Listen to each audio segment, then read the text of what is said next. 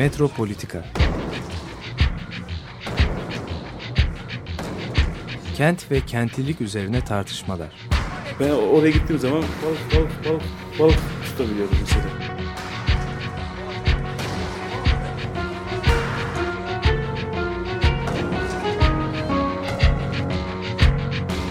Hazırlayıp sunanlar Aysin Türkmen, Korhan Gümüş ve Murat Güvenç. Takusu yok yani. kolay kolay boşaltamadılar. Yani elektrikçiler terk etmedi Perşembe Pazarı merkezinde. Merhabalar değerli Açık Radyo dinleyicileri. Metropolitika'dan e, güzel bir gün dileğiyle Aysin Türkmen ve ben Korhan Gümüş mikrofonlardayız. Günaydın.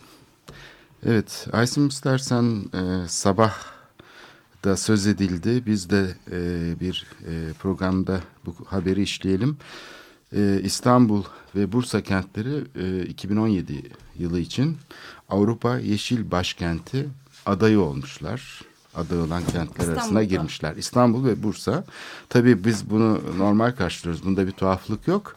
Fakat İngiliz The Guardian e, gazetesi e, bunu haber yapmış.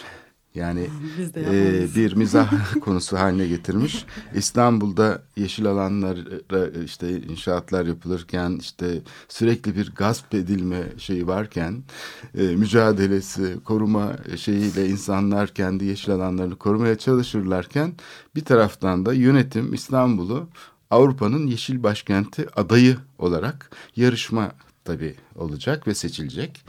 Ee, bunu bir mizah konusu olarak işlemiş. Yani gülünecek bir durum olarak. Ee, e, çok komik bir şey değil mi bu? Peki şimdi mesela böyle bir yarışmaya aday olununca e, çeşitli alanlara çim mi dikilecek? Ağaçlar mı dikilecek? İşte sence? yarışmada hani böyle bir katkısı olabilir şey mi şehre? O zaman biz de desteklemeliyiz. Mutlaka sayısal veriler vardır.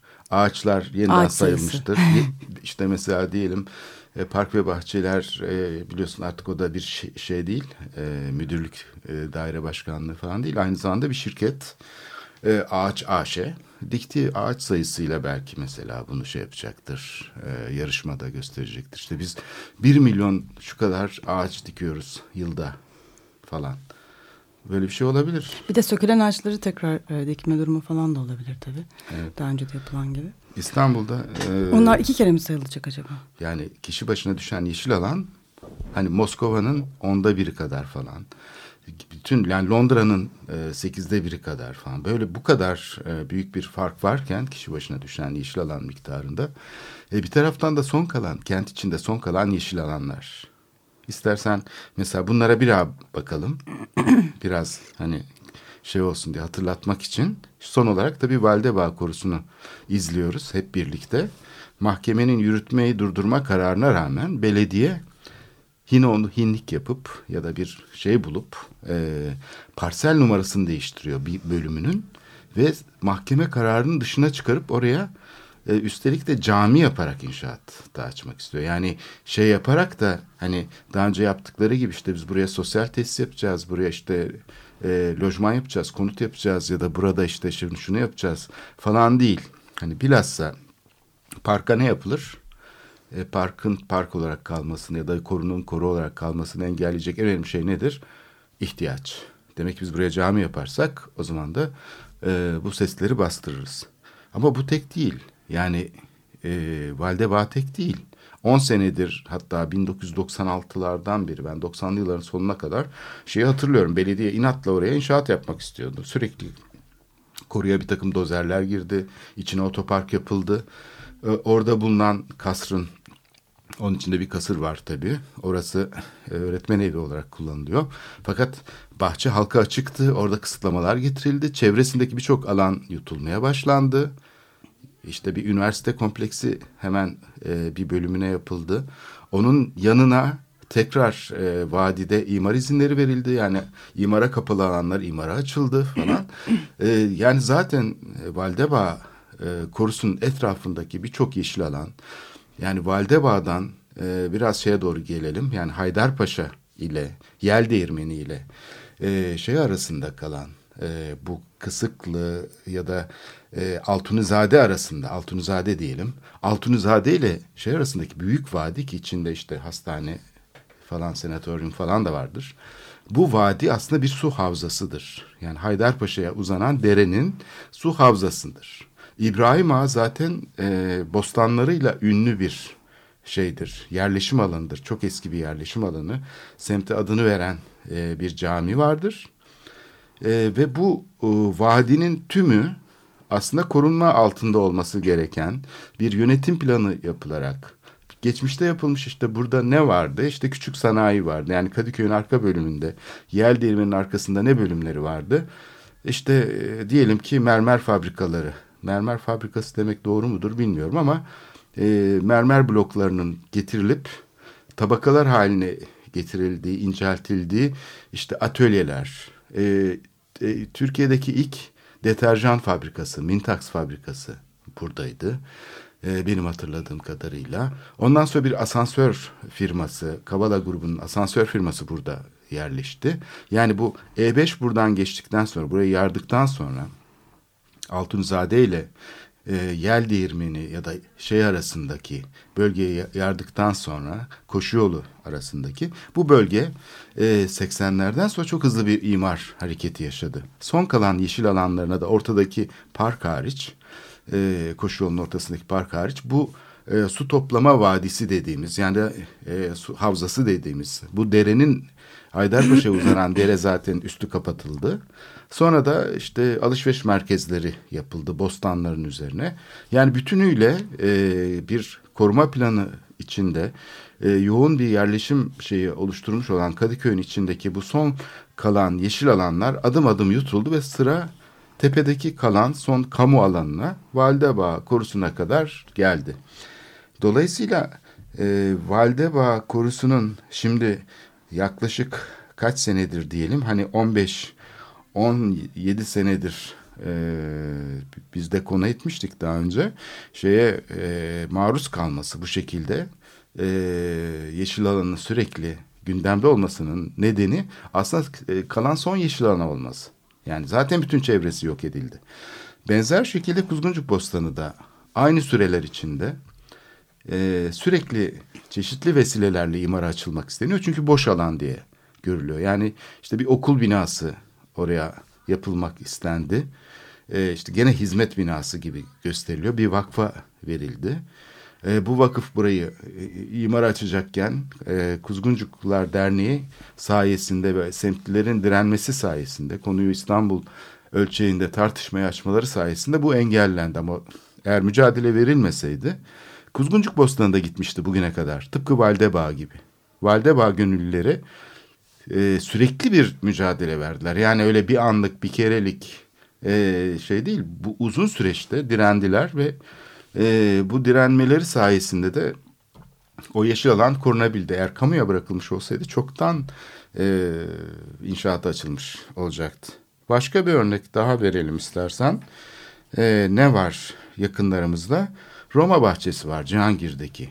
Cihangir'deki Roma bahçesi e, tam da Tophane e, sırtında yani Salı Pazarı sırtlarında şeyle Meclis Mebusan Caddesi ile Cihangir arasındaki yeşil alan. E, bu e, büyük yeşil alan e, çok da değerli bir yer. Çünkü Topkapı Sarayı manzarası olan e, bir yer. Uzun zamandır kamu yönetimleri tarafından ya daha doğrusu Büyükşehir Belediyesi tarafından imara açılmaya çalışılıyor. Çeşitli vesilelerle. Ta 90'lı yıllardan beri. İlk önce buraya belediye lojmanları yapılması gündeme geldi. Çok değerli bir yer. Hem de semtin içinde gayet e, şey olacaktır. Hani nüfus değişimine de yol açacak. Biraz daha e, oranın işte nüfus yapısını değiştirecek belki müdahale gibi buraya bir belediye lojmanları kompleksi yapılmak istendi. Bu savuşturuldu. E, kolay kolay yapılacak bir iş değildi yani oraya belediye lojmanı yapmak. E, sonra arkasından e, bir başka dalga geldi. E, buraya binaları hortlatmak. Burada yangın bölgesi burası eski geçmişte. Beyoğlu yangınlarından birinde işte buradaki ahşap yapıların birçoğu yanmış. Onların bazı temelleri, kalıntıları var. Ayrıca tabii bütün e, şey böyle İstanbul'un her tarafında e, özellikle tarihi merkezde eski yapılar oldu muhakkak yani boşluk değildi. Fakat bugün için çok değerli. Çünkü Beyoğlu'nda nefes alacak başka yer kalmadı. Yani bir gezi var bir de burası var işte. Roma bahçesi var. Yani ikisi de e, işte Beyoğlu'nun bu yoğun e, şeyi içinde, konut dokusu içinde otelleşme ve AVM'leşme, alışveriş merkezlerinin olması yanında kalan son yeşil alanlar. Roma bahçesine de 90'lı yıllardan beri tıpkı Kuzguncuk Bostanı'nda olduğu gibi, tıpkı Validebağ Kursu'nda olduğu gibi sürekli inşaat yapılmak isteniyor. Ee, çok ilginç gelişmeler oldu. Yani burada e, bunlar olmayınca buradaki binaları hortlatıp bir üniversiteye vermeyi bir ara belediye planladı. Baktı ki şeyle çözemiyor yani kamuoyunun da tepki oluşuyor. Zaten hukuken de imkan yok. Burası sit alanı yani burada e, yeni bir inşaata e, imkan yok. O zaman eski binaları hortlatma yöntemi devreye giriyor. Tıpkı e, Boğaz'da ve imar kısıtlamalarının olduğu birçok yerde olduğu gibi Tarihi Yarımada'da, Beyoğlu'nda, e, Boğaz içinde buradaki işte eski fotoğraflara dayanarak buradaki binaları hortlatalım ve bunları bir üniversiteye verelim. Hatta bunun son örneği de e, bu kıyıdaki e, şey e, usta mektebiydi. Bunu biz programımızda işlemiştik. E, ama usta mektebinden ibaret değil. Bütün o yamaçtaki binaları yeniden inşa etmek yani fotoğraflara dayanarak tabii bu son derece e, şey bir yaklaşım çünkü hiçbir detay yok elde hiçbir bilgi yok usta mektebinde zaten e, asılan panolarda da gördüğümüz gibi proje aynı zamanda başka yerdeki bir binanın buraya transfer edilmesini öngörüyordu. Yani artık iş o kadar abartılmış durumda ki işte restorasyon çalışması diye bunlara e, isim veriyorlar. Aslında başka bir binayı bir imar hakkı olarak yeşil alanın içinde tekrar canlandırmayı e, planlıyorlardı. Resim Heykel Müzesi'nin Resim Heykel Müzesi binası olarak kullanılması e, da bir takım sorunlar yaşanıyordu. Hepimiz biliyoruz uzun yıllardır. Zaten koleksiyonda da bir yönetim problemi de var e, geleceğiyle ilgili. Hani daha uygun bir yapıya geçecek diye sonunda bir takım pazarlıklar yapıldı. Ve bu pazarlıklarda işte İstanbul e, Modern'in tam önündeki antrepolardan bir tanesi e, şeye verildi. E, Resim ve Heykel Müzesi yeri olarak Mimar Sinan Üniversitesi'ne verildi. Bu bina ile birlikte bu karşıdaki yer tekrar gündeme geldi. O proje herhalde e, bu iş için yapılmamıştı ama pazarlıkta herhalde değiş tokuş e, sırasında bu binayı da e, bu olmayan binayı da bir hak olarak, imar hakkı olarak vermeyi planladılar ve inşaatı da işte il özel idaresi bütçesinden zaten kamu yapacaktı. Yani bizim ödediğimiz vergilerle yapılacak bir inşaat. Dolayısıyla e, Roma bahçesindeki tehdit bu kadar tuhaf yani çeşitli aktörler devreye girebiliyor. Bir gün bakıyorsunuz belediye devreye giriyor. Bir gün başka, başka bir kamu kurumu devreye giriyor. Çünkü burası bir boşluk gibi. Ee, en son olarak da e, daha önce durdurulan e, burada Beltur tesisi yapma fikri vardı. Bu Beltur tesisi yapma fikrini e, biraz da rahmetli Turgut Cansever'in katkılarıyla durdurmuştu Cihangir Güzelleştirme Derneği. Çünkü e, bu proje e, gündeme geldiğinde e, semtte hala faaliyetteydi e, rahmetli Turgut Cansever. E, çok da saygın bir mimar olarak herkesin dikkate aldığı bir kişiydi. Anlaşmazlık kendisine taşındı. E, bizim önerimizle bu e, şey buranın inşaatı açılıp açılmayacağı konusundaki kararı Turgut Bey'e danışalım. Turgut Bey bu konuda görüşlerini söylesin deyince belediye bunu kabul etmek zorunda kaldı. Ve Turgut Cansever'e gidince tabii o hiç e, önceden görüşülmediği halde e, tam da düşündüğümüz gibi e, burası semtte kalan son yeşil alan. Eğer Beltur tesisi ya da restoran ya da işte bilmem ne sosyal hizmet binaları yapmak istiyorsanız orada restorasyon bekleyen bir yapı var. Gidin oraya yapın ya da bir yeri kiralayın. Yeşil alana inşaat yapılır mı diye tepki göstermişti. Bunun üzerine bu proje e, rafa kaldırılmıştı. Fakat sonra ne gördük? E, Beyoğlu için hazırlanan koruma imar planlarında bu proje tekrar gündeme geldi. Bir bölü binlerde yani bir bölü bin ölçekte çizilmiş bu şeyde yani bu nasıl bir şeydir? Sürekliliktir. Yani insan anlayamıyor değil mi? Yani sahiden inanılmaz bir süreklilik var. Yani iptal ediliyor durduruluyor mahkeme kararı oluyor şu oluyor bu oluyor kazanılıyor mazalıyor. Sonra bakıl, bakılıyor bir yol daha bulunuyor falan tekrar yani böyle sanki su akmak istiyor da birileri sürekli o suyu engelliyormuş gibi. e, bir durum var. Dolayısıyla Roma bahçesi hala tehdit altında yani tehdit bitmiş değil. Tehdit bitmiş değil. Semt Derneği son derece başarılı bir kampanya yürüttü. Buranın e, Beyoğlu'ndaki son nefes alınacak yerlerden biri olduğunu kamuoyuna anlattı. Halk sahiplendi. Sonra da ağaçlar dikildi buraya.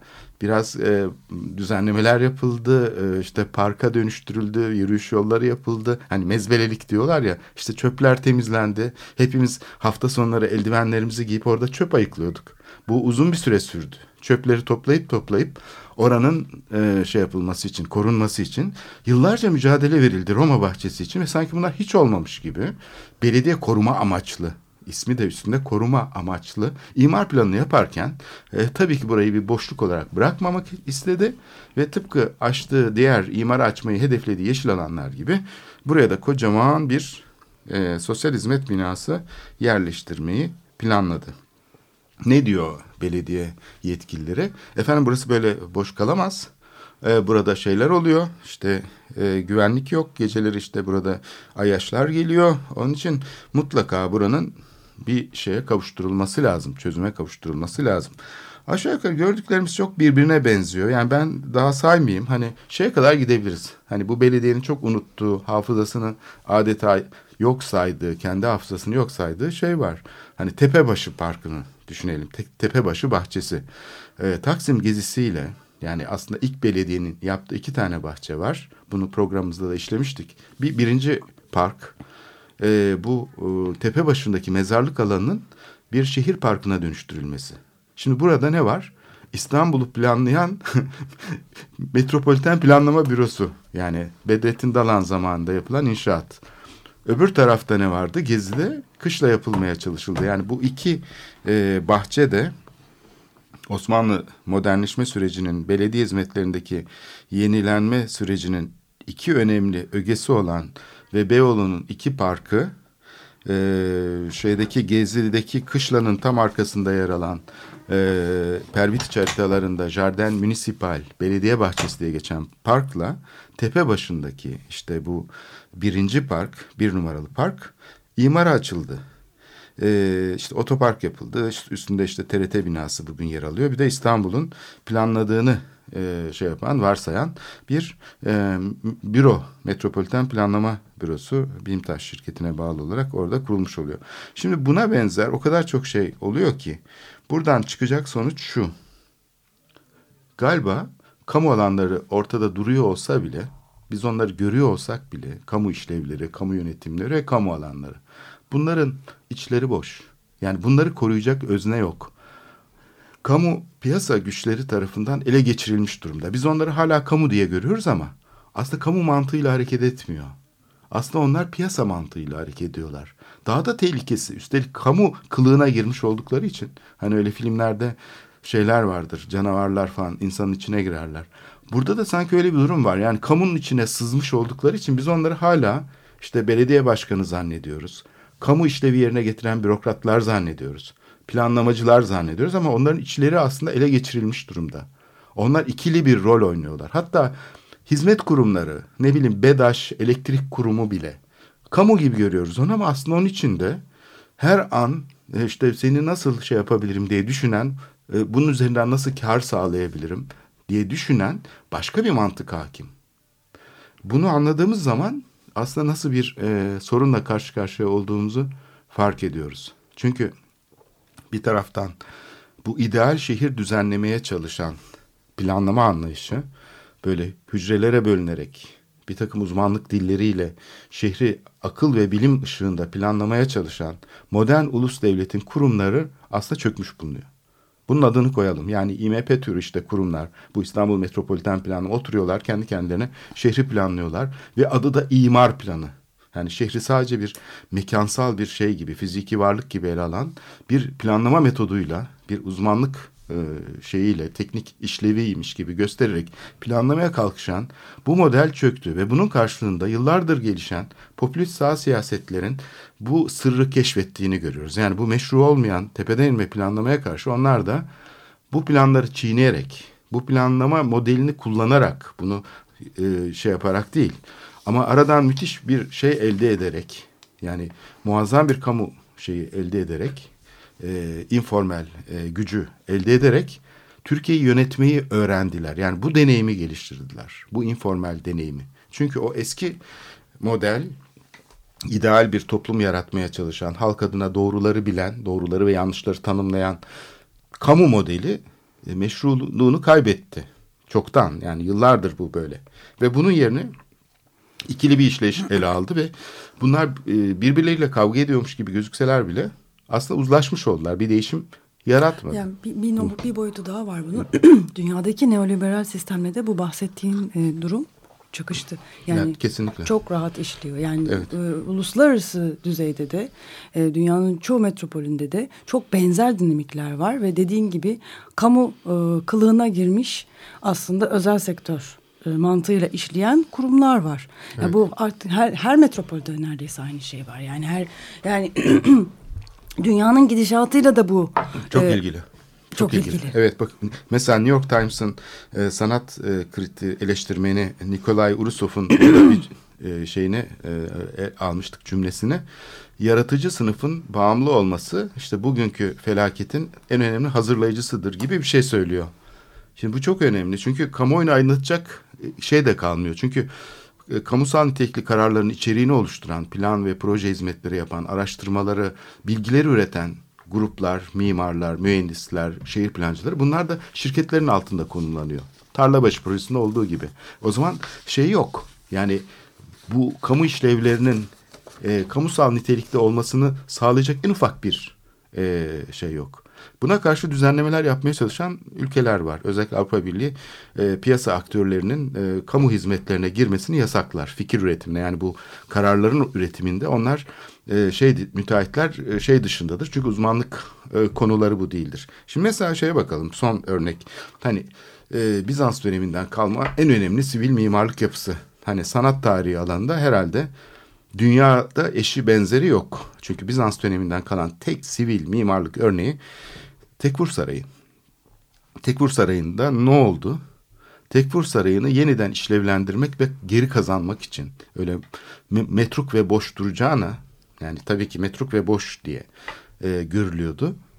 E, bir harabe halinde duracağına biz bunu e, kullanıma açalım diye e, belediye şey yaptı, düşündü. Ve burayı küçük bir kongre merkezine dönüştürmekte. Kongre ve sergi merkezine. Tekfur Sarayı'nı aynı e, Sütlüce mezbahasını dönüştürdükleri gibi küçük bir kongre merkezine dönüştürmek ve yeniden işlevlendirmek gayesini güdüyor. Aslında masum gibi gözüken bir şey değil mi? Yani böyle mezbelelik gibi mi duracak falan. Şimdi sorun şurada. Bütün uzmanlar da belediyenin bu kararıyla birlikte hatta belediye onlar yol gösteriyorlar ve Tekfur Sarayı bir hizmet binası olarak yeniden inşa ediliyor. Yani çatısı kaplandı, doğramalar kondu, pencereler e, kondu. Hani şimdi bu şeyi tartışmak anlamsız. Acaba eskiden böyle miydi? Geçmişte bir takım değişiklikler tabii yapılabilir. İçine işte bir takım platformlar kondu, merdivenler yapıldı, sahte kolonlar dikildi falan. Yani bir şekilde güya restitüye edildi. Ama şu var ki e, bununla da sınırlı kalmadık. Muazzam büyük bir bahçesi var. Yani bahçe demeyelim de e, yapının önünde büyük bir yeşil alan var. Surlara bitişik bir yapı olduğu için hemen yakınında duvarlarla çevrilmiş muazzam bir e, yeşil alan var. Bu yeşil alanı da betonla kaplayıp burasını da kongre e, ve toplantı alanı haline getirmeye çalışıyor şimdi bu projeyi yapan kişiler. Evet olabilir. Bir takım fikirler değerlidir. E, aynı Sütlüce mezbahasını işte yıkıp yerine o binayı yapmaya çalışan, altından tünel geçirmek için de binayı yıkan mimarla e, tartışmada olduğu gibi fikirlerden bir fikirdir tabii bu fikir. Ama şöyle bir sorun var. Bunu yapan kişiler kamu adına bunu yaptıkları için bu fikirler tartışılmaz diyorlar. Normalde bu tip önemli yapıların hatta önemsiz yapıların da tabii ki e, bağımsız kurumlar aracılığıyla şey yapılması gerekir.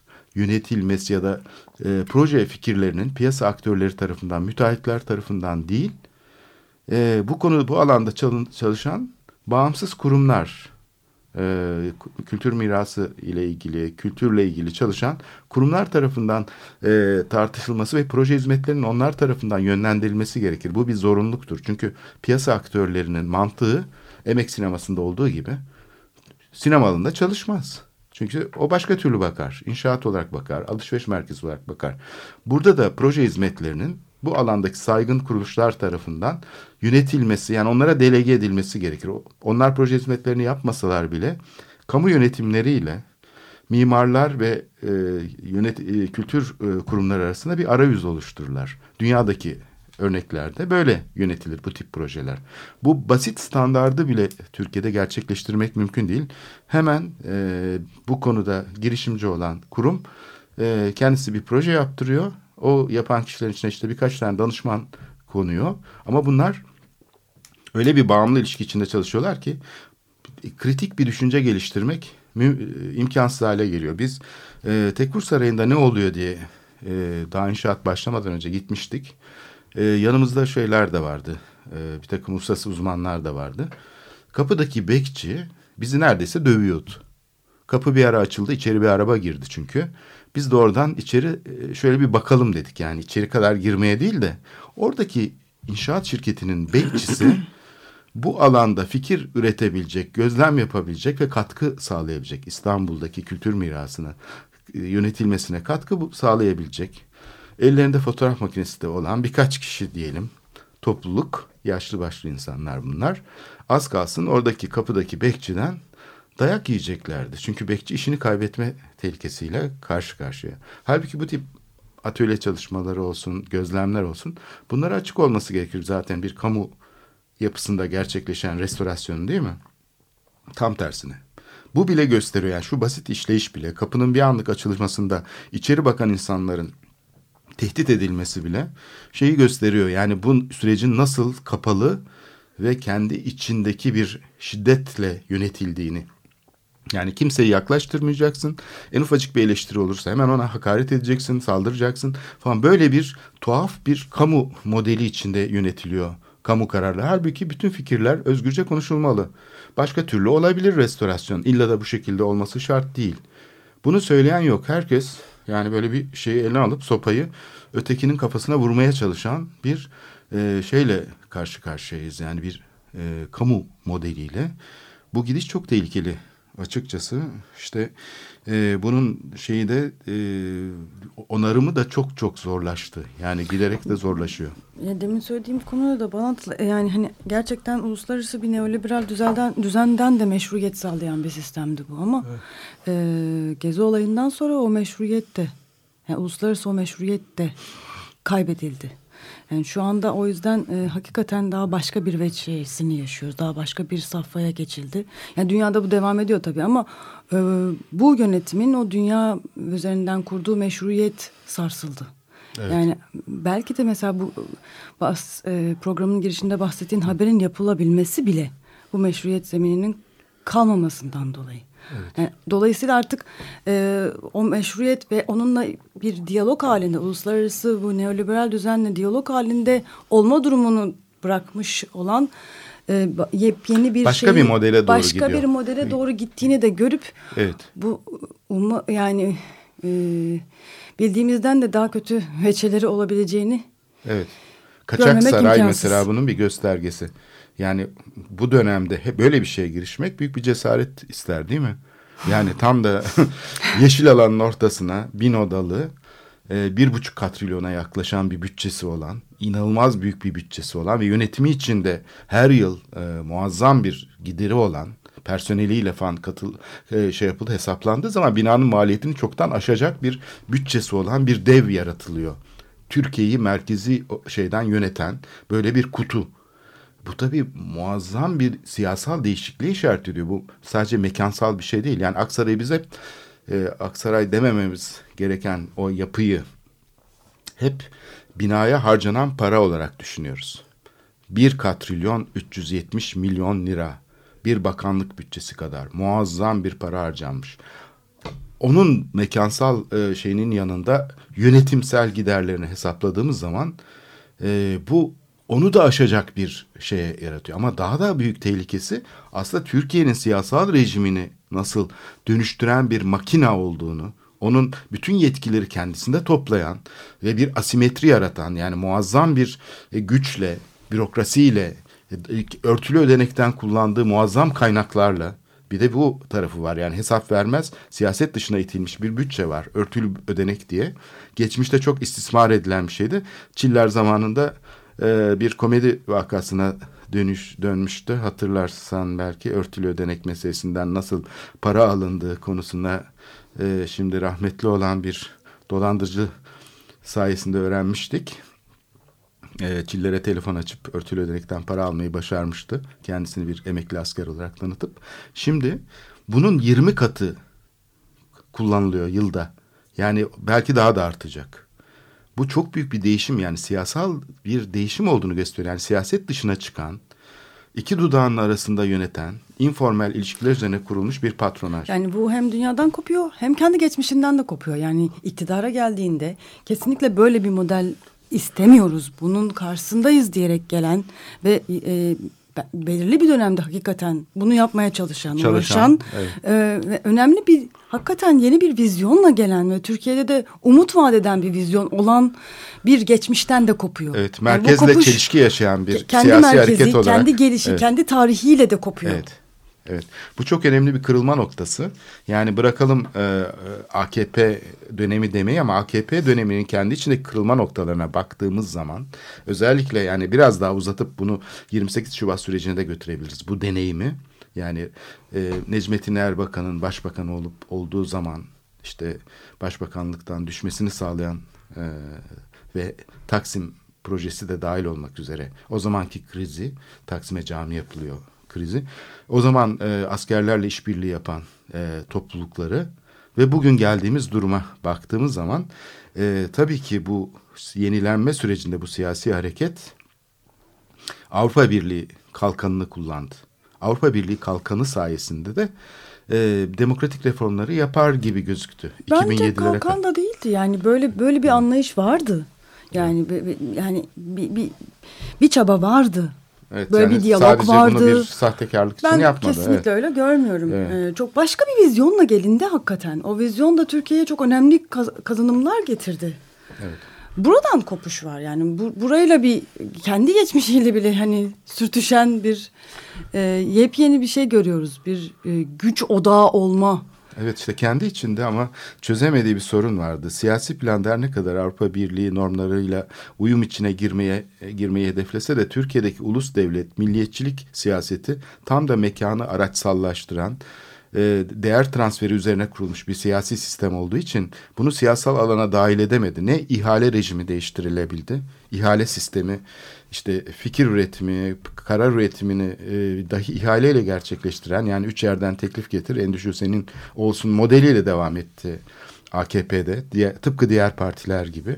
Yani bu sırrı o da keşfetti. Bu sistem nasıl işliyor ve bu informal işleyişi yani rüşvet, yolsuzluk gibi şeyleri merkezin denetimini aldı. Tek farkı bu oldu. Daha iyi yönetmeyi becerdi informeli. Bu deneyimle yoğruldu 28 Şubat sürecinde ve ne yazık ki sonunu da o hazırladı. Çünkü o da o zaman onlara benzedi. Yani o gücü, bu asimetriyi, toplumla devlet arasındaki oluşmuş olan bu asimetriyi kullanan bütün mutenalaştırıcı siyasal süreçlerin yolundan giderek o yüzden de e, işte e, neoliberal e, şeyin içindeki e, demokratik e, direniş şeyini e, kazanabilecek muhalefetini de kaybetti Türkiye ne yazık ki. Yani muhalefet de merkezden beslenmiş olduğu için hala hayal ettiği o ideal toplum düzeni üzerinden konuştuğu için karşısında muhalefet de kalmadı. AKP'nin en önemli şeyi e, bu hale gelmesinin nedeni doğru bir muhalefetin olmaması. Bu kadar haksızlık yaratan, bu kadar eşitsizlik yaratan bir hükümetin karşısında muhalefetin güçlenememesi de bunun bir göstergesi. İstersen bir kısa müzik arası verip tekrar devam edelim. Evet. The Glitch Mob'dan dinliyoruz Beyond Monday.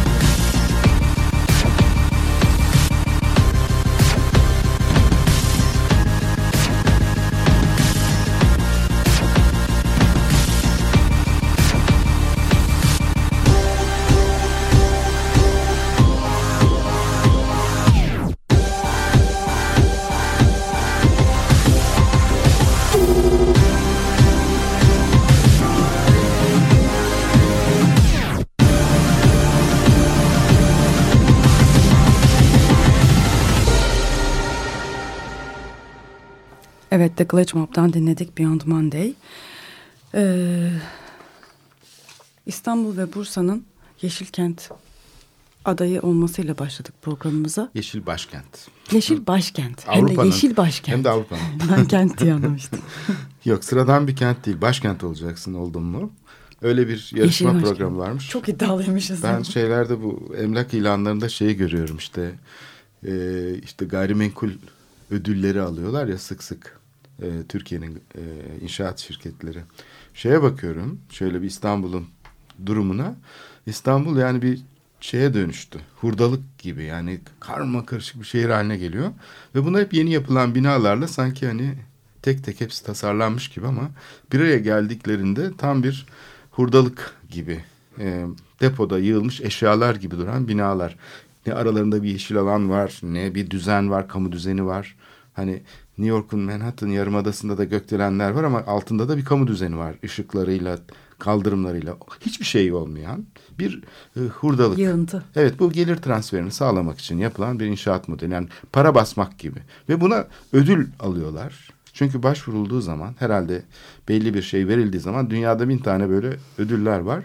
Ee, bu Avrupa Yeşil Başkenti ödülü ya da yarışması da acaba böyle uyduruktan bir şey mi diye merak ediyorum. Çünkü ben duymamıştım daha önce Avrupa'nın Yeşil Başkenti.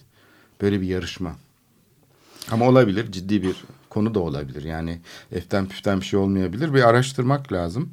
Çıkacaktır Tam da yakında ortaya. Yani bu yığıntı dediğin e, hani İstanbul'un silüetine baktığımızda gece kondular çok az kaldı aslında yani klasik gece kondu ve aslında apartmana dönmüş olan gece kondular ve bu yapı stoğunun dönüştürülmesi aslında AKP'nin en önemli politikalarından bir tanesi. Ama ANAP'ın yarattığı, ANAP ve tabii, Tabii. ki SHP diyelim SHP'nin yani yarattığı apartman kondular asıl dönüşümün en büyük engeli. Murat buna hep işaret ediyor. Programda da söylemişti. Yani eğer bu şey e, parçalanmış mülkiyete dönüşmemiş olsaydı sadece gece kondu olsaydı İstanbul'da yani şey planlamak çok daha kolay olurdu. Asıl sorun o 80'lerden sonra oluşan apart kondular. Çünkü bunları dönüştürmek imkansız. Yüzde yetmişini kentin bunlar oluşturuyor. Ne kadar yüksek imar izni verirseniz verin. İşte programda da iz, e, işlediğimiz gibi Kadıköy yakasında, Anadolu yakasında şu anda en kaliteli yapılar yıkılıp yerlerine gökdelen yapılıyor. Çünkü o yapılar zaten 80 öncesi kuşaktan kalma yapılar. iki buçuk katlı yapılar. 80 sonrası yapılara dokunamıyor. Asıl depremde riskli olan yapı stoğunu dönüştürmek neredeyse imkansız. Ama Caddebostan'daki, Dalyan'daki, Fenerbahçe'deki, e, e, Bostancı'daki iki buçuk, üç katlı, kimisi hatta yarı yığma olan, e, yıkılmayacak, e, kaliteli yeşil alanları bol olan e, binaları yıkıp yerlerine işte 17 katlı falan binalar yapıyorlar ve ondan sonra altına otopark yapmak için de tabii 3-4 katta aşağıya doğru oyuyorlar ve muazzam bir trafik yükü getiriyorlar. Bu aslında buna itiraz etmesi gereken bizzat o binalarda oturanlar çünkü ceplerindeki para çalınıyor. Yani bu bu para nereden geliyor? Bu inşaat şeyi dediğimiz zaman aslında diğerlerinin cebinden çıkıyor. Yani birilerinin cebinden alınıp birilerinin cebine giriyor. Bu öyle e, e, sihirli bir şey değil yani. Bu kentsel dönüşümde efendim ne olacakmış? Ama sihirli Yerinde zannetti e, bence AKP e, 2000'lerin başından itibaren kentsel dönüşümü bir sihir zannetti. Evet. E, ve aslında bir sürü değişik alanda değişik denemeler yaptı. Bunlardan bunun bir tanesi ve aslında oldu.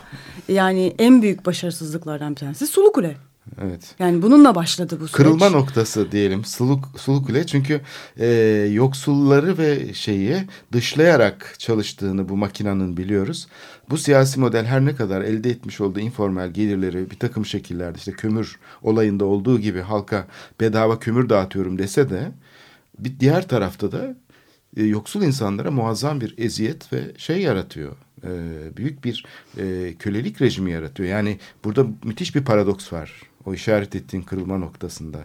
Görünüşte işte küçük müteahhitler orada burada inşaatlar yapıyorlardı ve bu şeyde milli görüş çizgisindeki müteahhitlere, yandaşlara da e, siyasi yönetimler, belediyeler işler sağlıyorlardı. Böylece imar e, haklarından elde edilen gelirler Beyoğlu'nda, Cihangir'de, şurada burada e, kendi kasalarına akıyordu.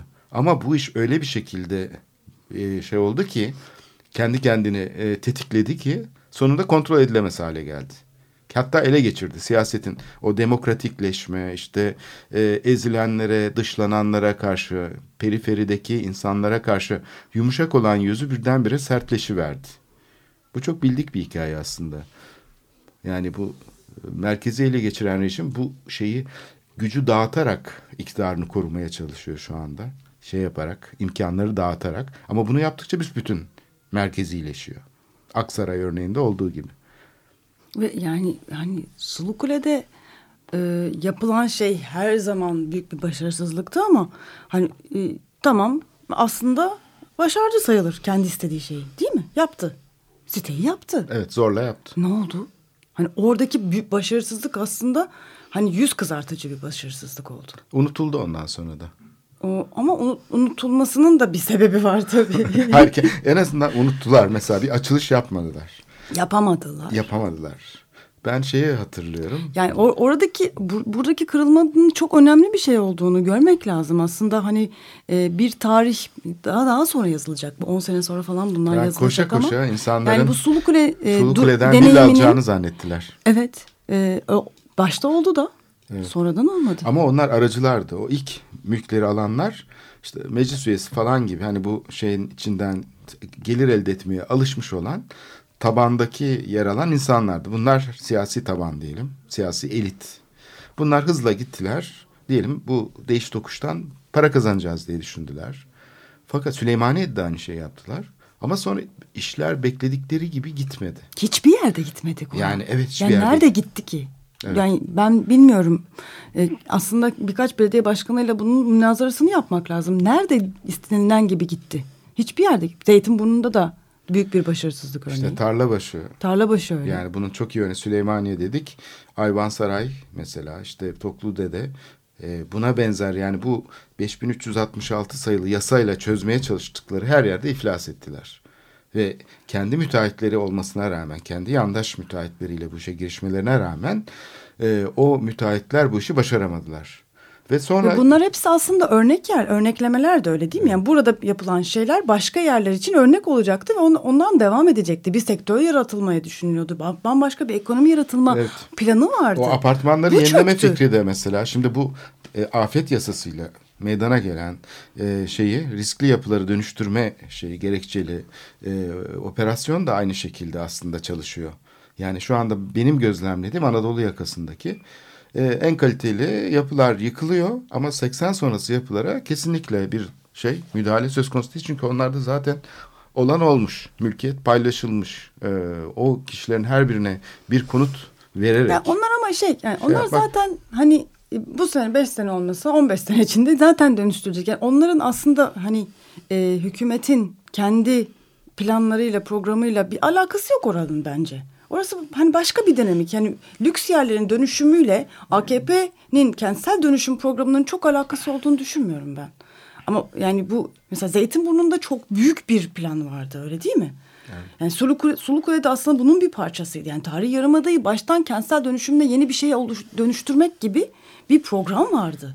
Süleymaniye ile yani hani bir sürü alanla beraber. Ona şey diyebiliriz. Milli görüşün aslında kendi e, kültürel inşa süreci diyebiliriz. Yani tarih yarımadaya gösterilen bu ilgi Osmanlı mahalleleri yaratma e, ideali aslında birinci fazdı.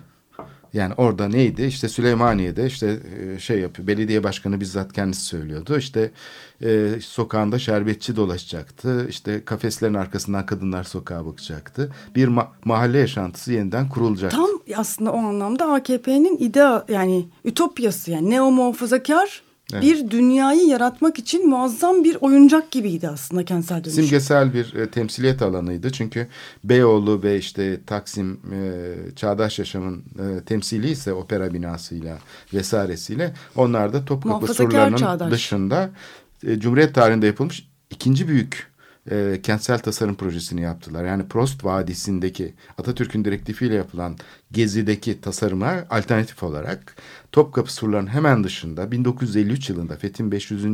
kutlama yılında öner- önerilen kutlamaların önerildiği yere muazzam bir Osmanlı Parkı yaptılar. İçinde işte şeyleriyle birlikte, mahallesiyle birlikte, evleriyle ve Fetih Müzesi'yle birlikte.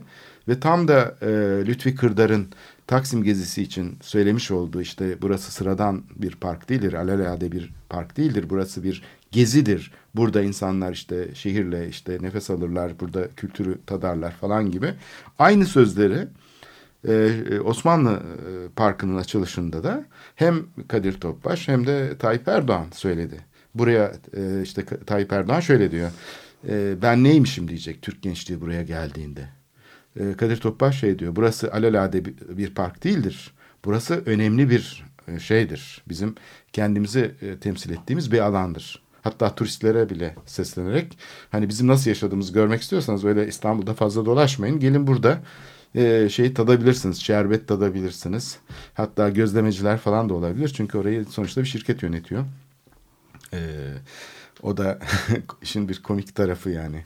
Sonuçta çünkü böyle bir ideali yönetecek bir şey de yok. Hani şehir tiyatrolarına ben dalga geçmiştim. Kadro alınsın da onlar bu ideali temsil etsinler. Hani İsta gerçek İstanbul'u İstanbulluları şehir tiyatrolarında rol yaparak tabii bu biraz ayıp oluyor bunu söylemek ama yani tiyatroyla böyle bir ilişki kurulacağını ben hiçbir Ama zaman düşünmüyorum. onu bilerek yapıyor. Yani ben bunu şaka Bunun olsun diye söylüyorum. Tabii tiyatro. o şaka olduğu için herhalde çok ayıp etmiş olmuyorum ama yani şehir tiyatrolarına böyle bir görev yüklerse e, ideal e, mekanı o zaman emir ve komutayla tabii bu tiyatronun ruhuna aykırı olan bir şekilde e, canlandırmaya kalkabilir. Tıpkı Fetih Müzesi'nde Fetih'in gerçeğini temsil ettiğini iddia etmesi gibi.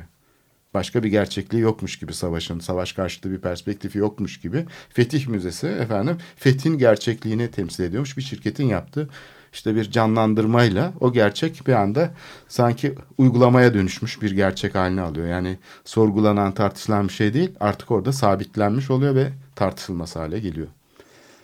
Bu bir otoriter rejimler zaten kendiliğinden kurulmuyor. Herhalde bu otoriterlik modern toplumun bu temsil probleminin fark edilmemiş gibi davranılmasından ortaya çıkıyor. Yani sembolik faaliyetin adeta şeye dönüşmesi gibi, uygulamaya, uygulamayla özdeşleşmesi ve örtüşmesi gibi.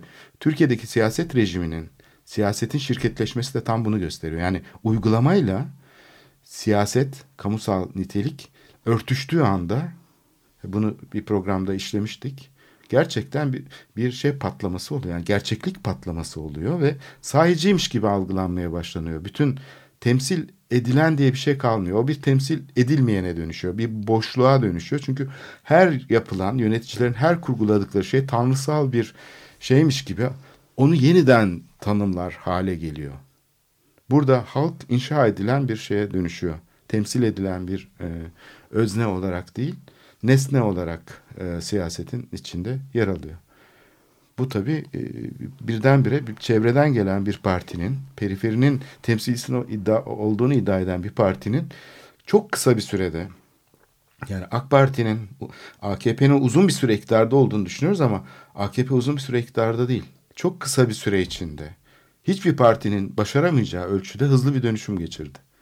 Adeta iki farklı şeyi ortaya çıktı. İlk başta biraz böyle demokratik gibi Avrupa Birliği işte yok şeyler, e, özgürlükler vesaire derken kimlikler, çözüm süreci birdenbire arkasından başka bir şey çıktı. Yani o kılıf yırtıldı ve kılıfın içinden e, başka bir yönetim e, şeyi e, Ben gene de ona kılıf demeyi doğru bulmuyorum açıkçası. Yani Hı. içlerinde gerçek öz olarak başka bir şey taşıyorlardı. Onun üzerine bir kılıf geçirmişlerdi.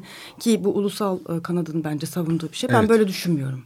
Yani o zaman bu şekilde şöyle değil. mi desek? Yani bazı süreçler içinde kırılma noktaları yaşandı. Farklı bir boyuta İki boyutu geldi. vardı.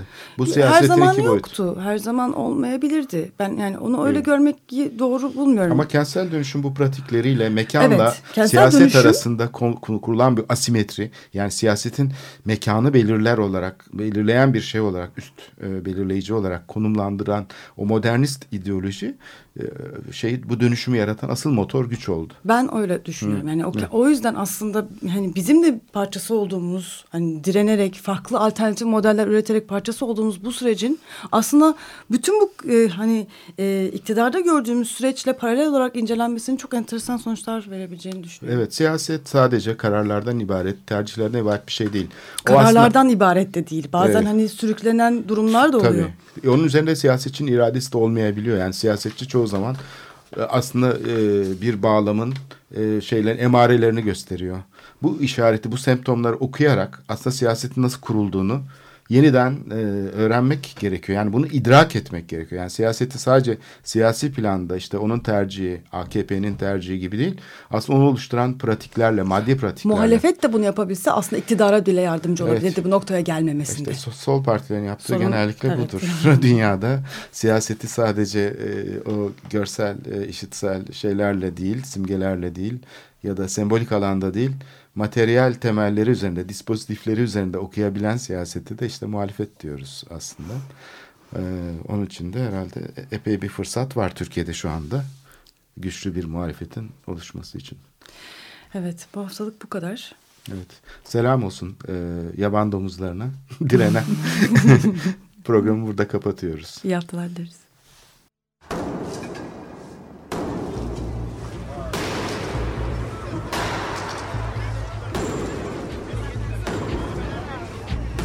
Metropolitika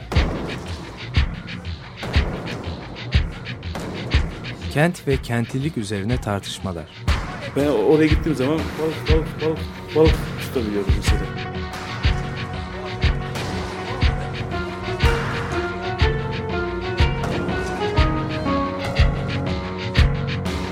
Hazırlayıp sunanlar Aysin Türkmen, Korhan Gümüş ve Murat Güvenç takusuyor ki. Kolay kolay boşaltamadılar. Yani elektrikçiler terk etmedi Perşembe Pazarı merkezinde.